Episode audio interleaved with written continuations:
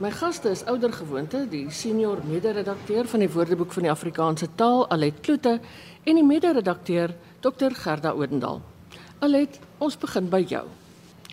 Louis van Rooyen sê: "Baie dankie vir 'n baie luisterbare program." Hy vra: "Waarom was die ou tale ingewikkelder as vandag se?" Weerspieël dit 'n doeltreffender denkvermoë? Hy sê Latyn met sy veelsidige grammatika stel sprekers in staat om hulle veel bondiger en akkurater as moderne sprekers uit te druk. Mens sien dit as jy vanuit Latyn in Afrikaans vertaal. Die vertaling is altyd langer. Louis noem ook dat hy die vraag van tevore gevra het, maar dat die professor hom verkeerd verstaan het en nie bevredigend geantwoord het nie. Alet? Goeiemôre Ina en ook aan die luisteraars. Miskien moet ek net eerstens sê dat as die professor nie die vraag kon beantwoord het nie, die kans is baie goed is dat ek ook nie die vraag kan beantwoord nie, maar ek gaan probeer. Uh in die eerste plek moet ek net sê dat dit hoegenaamd nie my studieterrein is nie en dat ek voel dat die vraag eintlik ook half aan die verkeerde adres gerig is. Maar ek het ook 'n bietjie gaan nalees en in die proses het ek agtergekom dat daar nou ook nie so 'n klinkklare duidelike antwoord ten opsigte van die vraag is nie. En ek gaan miskien net 'n paar opmerkings maak en dan moet die luisteraar dan nou maar self aflei wat die antwoord of die waarskynlike antwoord is. In die eerste plek kan 'n mens sê dat taalnavorsers nou al oor jare heen oor hierdie hele dilemma gepraat het en uh, uh, navorsing gedoen het en dat daar nie na die een kant of na die ander kant toe noodwendig met duidelikheid en sekerheid geredeneer kan word nie. As 'n mens praat oor ouer tale, dan lyk hulle op die oog af ingewikkelder omdat die grammatika en die woordeskat vir 'n mens vreemd is. Hmm. En nou is dit ook so dat daar miskien nie bronne is of nie meer sprekers is van die betrokke tale nie wat dit nou ook moeilik maak om by iemand te gaan kers opsteek oor die betrokke taal. Verder is dit so dat uh, wat taalkundiges wel weet is dat tale neig om meer kompleks te wees ten opsigte van sekere aspekte, maar dan is hulle ook weer eenvoudiger ten opsigte van ander aspekte. En tale stem nie ooreen wat betref dit wat moeilik is en dit wat makliker is nie. So op grond waarvan gaan 'n mens hulle dan nou ook met mekaar vergelyk? Verder is dit ook so dat die kompleksiteit van 'n taal nie noodwendig 'n maatstaf is vir die intelligensie of die bedrywenheid of die verfynheid van 'n persoon nie. 'n Mens kan dus sê dat daar eintlik geen korrelasie is tussen 'n persoon se algemene intelligensie en dan die kompleksiteit van die taal of die tale wat hy praat nie. As 'n mens byvoorbeeld dink aan 'n persoon met afasie wat dan nou 'n gedeeltelike verlies van spraakvermoë het of die vermoë om taaluitings voort te bring, dan beïnvloed dit nie noodwendig sy denkvermoë in die proses nie. So ek is nie oortuig dat 'n mens en definitief ook nie ek nie ondubbelsinnig op hierdie vraag kan antwoord nie. Dankie. Hy verwys dalk na naamvalle en al daai verbuigings en tipe dinge. Gerda Barend Gildenhuys wil weet waarom ons die woord moreel in Afrikaans gebruik en nie soos wat dikwels in Afrikaans gedoen word, die woord moraal aan Frans ontlening. Hy gee die volgende voorbeeldsin. Die bevelvoerder is moreel verplig om na die moreel van sy troepe om te sien. Volgens hom is so sin absolute snert. En is die Franse woord moraal nie naaste by vergelykbaar met die Afrikaanse woord moreel nie. Gerda? Dankie Ina. Eerstens wil ek ook graag my antwoord inlei met 'n uh, deur te sê dikwels wanneer ons taal vra navraag antwoord uh, oor die radio is dit baie keer moeilik want dit gaan baie keer oor geskrewe kwessies. So dis nie altyd so maklik om hierdie skryfkwessies te verwoord op die lig nie. So maar ek gaan my bes te probeer. nou eerstens is dit belangrik om daarop te let dat die woord moreel nie aan die Franse woord moraal wat ons dan spel M O R A L E ontleen is nie, maar aan die Franse woord moraal wat dieselfde uitgespreek word maar sonder e aan die einde. Die woord moraal is wel aan die Franse woord moraal met 'n e aan die einde ontleen. Ehm um, so hierdie twee woorde in Afrikaans, moreel en moraal, kan nogal baie verwarrend wees. En was, dit is waarskynlik omdat die Engelse moraal wat ook met 'n e aan die einde gespel word, amper soos die Afrikaanse moraal klink, maar hulle beteken nie dieselfde nie. Verder kan ons van moraal 'n byvoeglike naamwoord aflei wat moreel of morele is. So kom ons kyk gou 'n bietjie na die onderskeid. Moraal is 'n selfstandige naamwoord wat vir al drie dinge kan beteken. Eerstens is dit die les uh, wat 'n mens uit 'n storie of 'n gebeurtenis kan leer. So ons sal praat van die moraal van 'n verhaal of soos ons in Engels sê the moral of the story. Tweedens is moraal 'n sedeleer. Dit wil sê 'n versameling beginsels, gebruike of reëls wat 'n groep se etiese gedrag of optrede teenoor mekaar reël. So ons sal praat van 'n boeddhistiese moraal. En in Engels word dit genoem the ethics of morality. En laastens verwys dit na 'n sedelike beginsels. So as ons sê iemand het geen moraal nie, beteken dit hulle sedes of sedelike gedrag laat veel te wense oor. En in Engels sal ons dit dan nou morals noem. Nou die probleem soos ek gesê het wat ons by moraal kry is dat jy nou 'n byvoeglike naamwoord kan skep wat dan nou moreel of morele is. So ons kan praat van 'n morele kode, morele gedrag of iets is moreel geregverdig ensovoorts. Nou hier teenoor staan die selfstandige naamwoord moreel wat eintlik maar net gebruik word om te praat van mense of 'n groep mense uh of of een persoon uh se geesteskrag, geestesgesteldheid of innerlike oortuiging. So as ons iemand het wat baie moedeloos het, sal ons sê sy moreel is baie laag. Of ons kan sê die Springbokke se moreel is baie hoog of goed in aanloop tot die wedstryd teen Frankryk. In Engels noem ons dit moraal, die met die e aan die einde. Nou ek dink miskien 'n maklike manier om dit te probeer onthou is dat ons vir onsself sê die e aan die einde van Engelse die Engelse moraal stem ooreen met die twee e's van die Afrikaanse moreel. Maar om nou weer terug te kom by Barend se vraag aan die begin of die kommentaar, die deurmekaar lopery van die twee woorde het te maak met hulle geskiedenis. Die twee woorde wat ons via Nederlands aan Frans ontleen het, was aanvanklik sinonieme in ou Nederlands.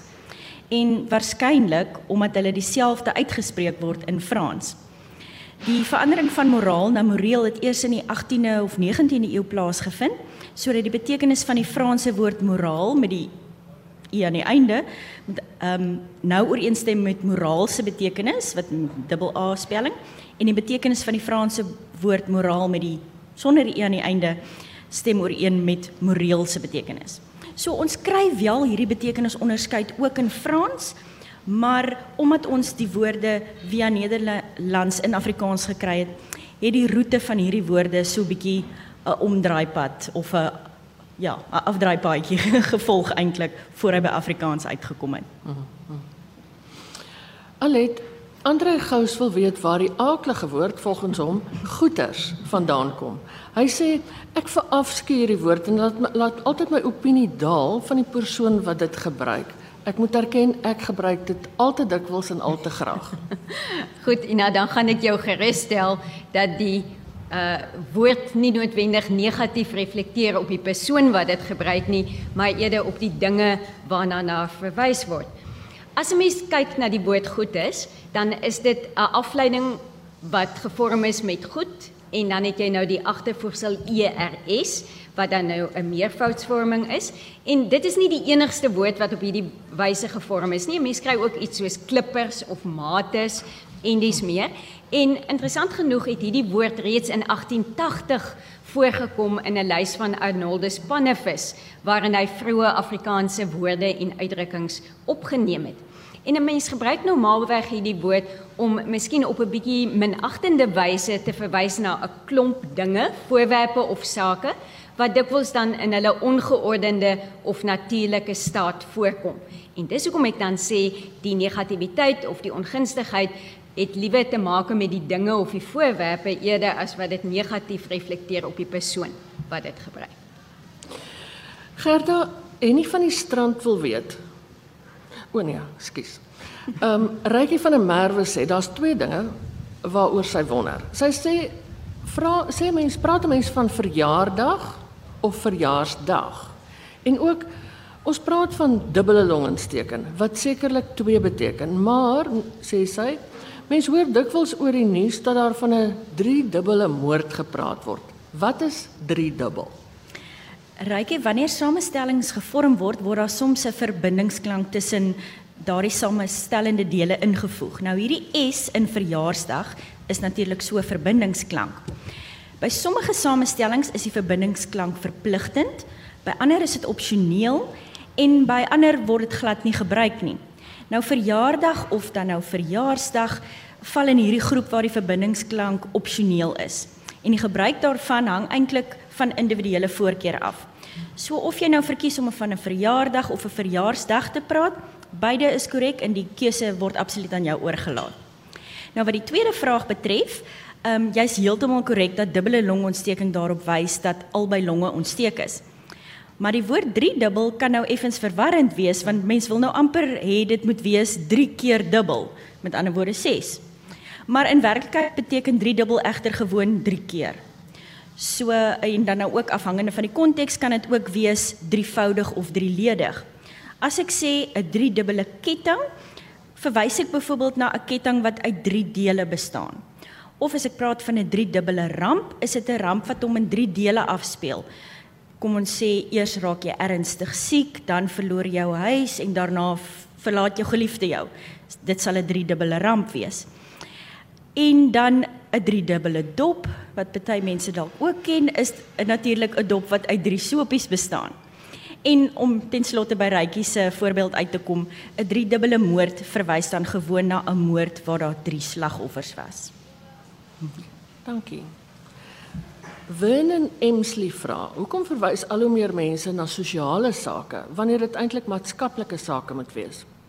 Nou Vernon sê Die gebruik is 'n direkte vertaling of is dit nou aan aanvaarbaar? Alet?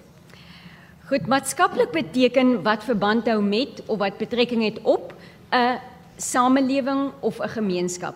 Antwoorde die gemeenskap in die besonder of die samelewing in die breë. So kan 'n mens byvoorbeeld praat van maatskaplike sake, kwessies, vraagstukke en dies meer. En in hierdie geval sou dit dan nie verkeerd wees om van sosiaal te praat nie alhoewel dit dan nou uh oënskynlik van die Engels afkomstig is. Daar is selfs mense wat praat van sosiale sorg, sosiale dienste waar mense eerder maatskaplik sou verwag. En dit is dan nou ook net 'n kwessie van gebruiklikheid. Maatskaplik is gevestig in hierdie betekenisonderskeidings. Sosiaal kan wel 'n sinoniem daar wees, maar dit is aansienlik minder gebruiklik. Maar dan is dit ook so dat sosiaal 'n polisemiese woord is, 'n woord wat meer as een betekenis onderskeiding sê en of meer as een betekenis onderskeiding het.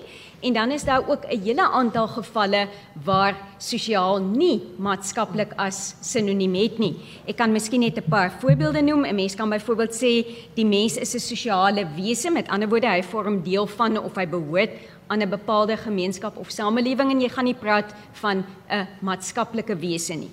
Of jy gaan sê alkohol word met sosiale geleenthede geassosieer. Dit is geleenthede waar mense in interaksie met mekaar verkeer, weer eens nie maatskaplik as 'n sinoniem nie. Of sy is 'n baie sosiale wese. Sy hou daarvan om gesellig te verkeer. Maatskaplik tree ook nie daar um, as 'n sinoniem op nie en so kan ek voortgaan. Maar in die betekenis waar dit betrekking het op die gemeenskap en die samelewing as sodanig, daar is maatskaplik die gebruiklikste woord om te hê. Ja, ja. Gerda, enige van die strand wil weet wat se verskil tussen tydperk, periode en tydvak? Of beteken al drie dieselfde? Vraai. Ina, dit is nou eintlik 'n baie gepaste vraag wat Henny hier vra, want ons uh, by die Woordeboek van Afrikaanse taal het die afgelope Vrydag, 13 Oktober, die letter T bekend gestel. So die woorde tydperk en tydvak is nou kan nou geraadpleeg word op ons aanlyn Woordeboek. Maar om by die antwoord uit te kom, ja en nee. Uh, die woord tydperk kan verwys na 'n bepaalde verloop van tyd wat wat as 'n eenheid en dan gekenmerk word word deur sekere toestande of gebeure of die voorkoms van bepaalde uh kulture, ideologieë, tegnologie ensovoorts. So ons kan praat van 'n tydperk van rou, 'n tydperk van swaar kry, 'n tydperk van droogte byvoorbeeld. Nou die woord periode verwys weer na 'n tydsverloop van onbepaalde lengte. So Ja, dit is iets met 'n definitiewe of onderskeidende karakter wat as 'n diskrete kronologiese geheel beskou word of beoordeel word en veral op grond van die voorkoms van 'n bepaalde gebeurtenis, toestand, ontwikkelingsfase, verskynsel of dergelike. So ons kan praat van 'n kalm periode, historiese periode, 'n periode van oorgang ensovoorts. Nou die definisies klink baie dieselfde, maar ek dink die onderskeidende woord hierso waarom dit gaan in die twee definisies is dat tydperk gaan hier om 'n bepaalde verloop van tyd terwyl periode te maak het met 'n onbepaalde verloop van tyd. So die een is meer presies en die ander een minder presies. Die woorde tydvak en tydperk is egter in hierdie spesifieke betekenis is hulle sinonieme. So hulle beteken dieselfde. Tydvak verwys ook na 'n bepaalde verloop van tyd. Ehm um, tydvak en tyd of tydvak en periode het natuurlik ook nog ander betekenisse wat um, nie verband hou met tydperk nie. Maar ek dink vir Henny het dit hier spesifiek gegaan om hierdie betekenisse wat so nou verwant is aan mekaar. Ja, ja. En ek hoop uh, dit is nou bietjie duideliker. Dankie. Willem Fourie vind dit nogal komies dat die vroulike vorm kampioene gebruik word wanneer mense na 'n kampioenspan verwys. Dan is daar ook nog die liewe kampioenskappe wanneer mense na 'n enkele kampioenskapsreeks verwys en so ook wenners met verwysing na 'n enkele span. Alet, wat is jou kommentaar op Willem se vraag. Ek is dit nou nie heeltemal met die luisteraar eens wat dit betref nie. Met 'n kampioenspan word 'n span bedoel wat 'n kampioen is. Met ander woorde 'n deelnemende span wat in 'n wedstryd of dit kan ook 'n reeks wedstryde wees, die wenner is. 'n Mens kan nou van die Springbokke sê wat 'n kampioenspan is, dat hulle kampioene is, maar dan gebruik 'n mens die voornaamwoord hulle en dis 'n persoonlike voornaamwoord in die derde persoon meervoud. En dit impliseer dat jy eintlik hier praat van die individuele lede van die span as sodanig. En uh, aan die dieselfde geld dan nou ook vir wenners. Jy gaan altyd sê hulle is die wenners, bedoelende daarmee die individuele lede. 'n Kampioenskap aan die ander kant word gedefinieer as 'n wedstryd, 'n enkele wedstryd om 'n kampioenskapstitel en nie 'n reeks wedstryde nie. Om daardie rede sal 'n kampioenskapsreeks dis bestaan uit 'n reeks kampioenskappe. En wanneer dit dus te gaan om 'n reeks wedstryde sou jy van kampioenskappe kon praat. Hmm. Dit lyk my ons het nog tyd vir een vraag en Gerda, dit kom na jou kant toe. Monica Daalstroom van ek is nie seker of ek die luisteraar se van reg uitspreek nie. Van Port Edward wil weet waarom ons in Afrikaans van skoenveters praat. In Engels word daar van shoelaces gepraat om waarskynlik omdat luis vroeër daar gebruik is om skoene vas te bind en in Duits shower senkel as ek dit reg uitspreek. Gerda? Ja, die ons het die Afrikaan in Afrikaans die woord skoenveter van die Engels, ag die Nederlandse schoenveter geërf. En dit het, het eintlik nog 'n uh, baie interessante herkoms. Die woord veter is reeds in 1515 in Nederlands in hierdie betekenis gebruik. Nou Die herkoms is 'n bietjie onseker, maar daar lyk wel of daar een teorie is wat redelik oortuigend is en waarskynlik is. Nou, dit is dat die woord veter van die Middel-Nederlandse woord vetere afgelei is. Nou, wat nogal baie interessant is, is dat die woord vetere uh oorspronklik voetboeie beteken het. En ons vind ook dieselfde betekenis in die Oud-Saksiese en Oud-Engelse veter met 'n F. En hier sien ons dus reeds die verband tussen die woord veter en dat dit iets met 'n voet te maak het. Later het die betekenis algemener geword sodat vetere ook ketting of koord kon beteken. En veral dan met die funksie om iets vas te bind of om beweging te beperk of aan bande te lê. So die samestelling skoenveter is later gevorm deur skoen aan veter te koppel of te verbind en dit dui dan daarop dat dit hier om 'n baie spesiale of 'n spesifieke koord of ketting gaan, naamlik een wat gebruik word om jou skoen aan jou voete mee vas te maak. Nou mettertyd het die woord veter hierdie algemene betekenis van ketting of koord verloor sodat die woord veter en skoenveter vandag as sinonieme beskou word. So die woord skoenveter is eintlik baie tekenend van hoe veranderlik en dinamies taal is, want eers was die betekenis baie spesifiek toe word dit bietjie meer algemeen en breër in betekenis en uiteindelik het die betekenis toe weer baie spesifiek geword, maar die betekenis verskil nou van wat dit 500 jaar gelede was. Hmm. Nou ja, ons het nog 'n klompie vrae, maar dit staan oor na 'n volgende geleentheid. Dit was Alet Kloete en Dr Gerda Odendaal. En terwyl ons dan nou hier in die tuiste van die WAT is, Wil dit vir my help verseker dat die baie belangrike werk van die WAT voltooi kan word en ons borge woord. Al die besonderhede is op die WAT se webwerf beskikbaar. Bly veilig, bly gesond en van my Ina Strydom groete.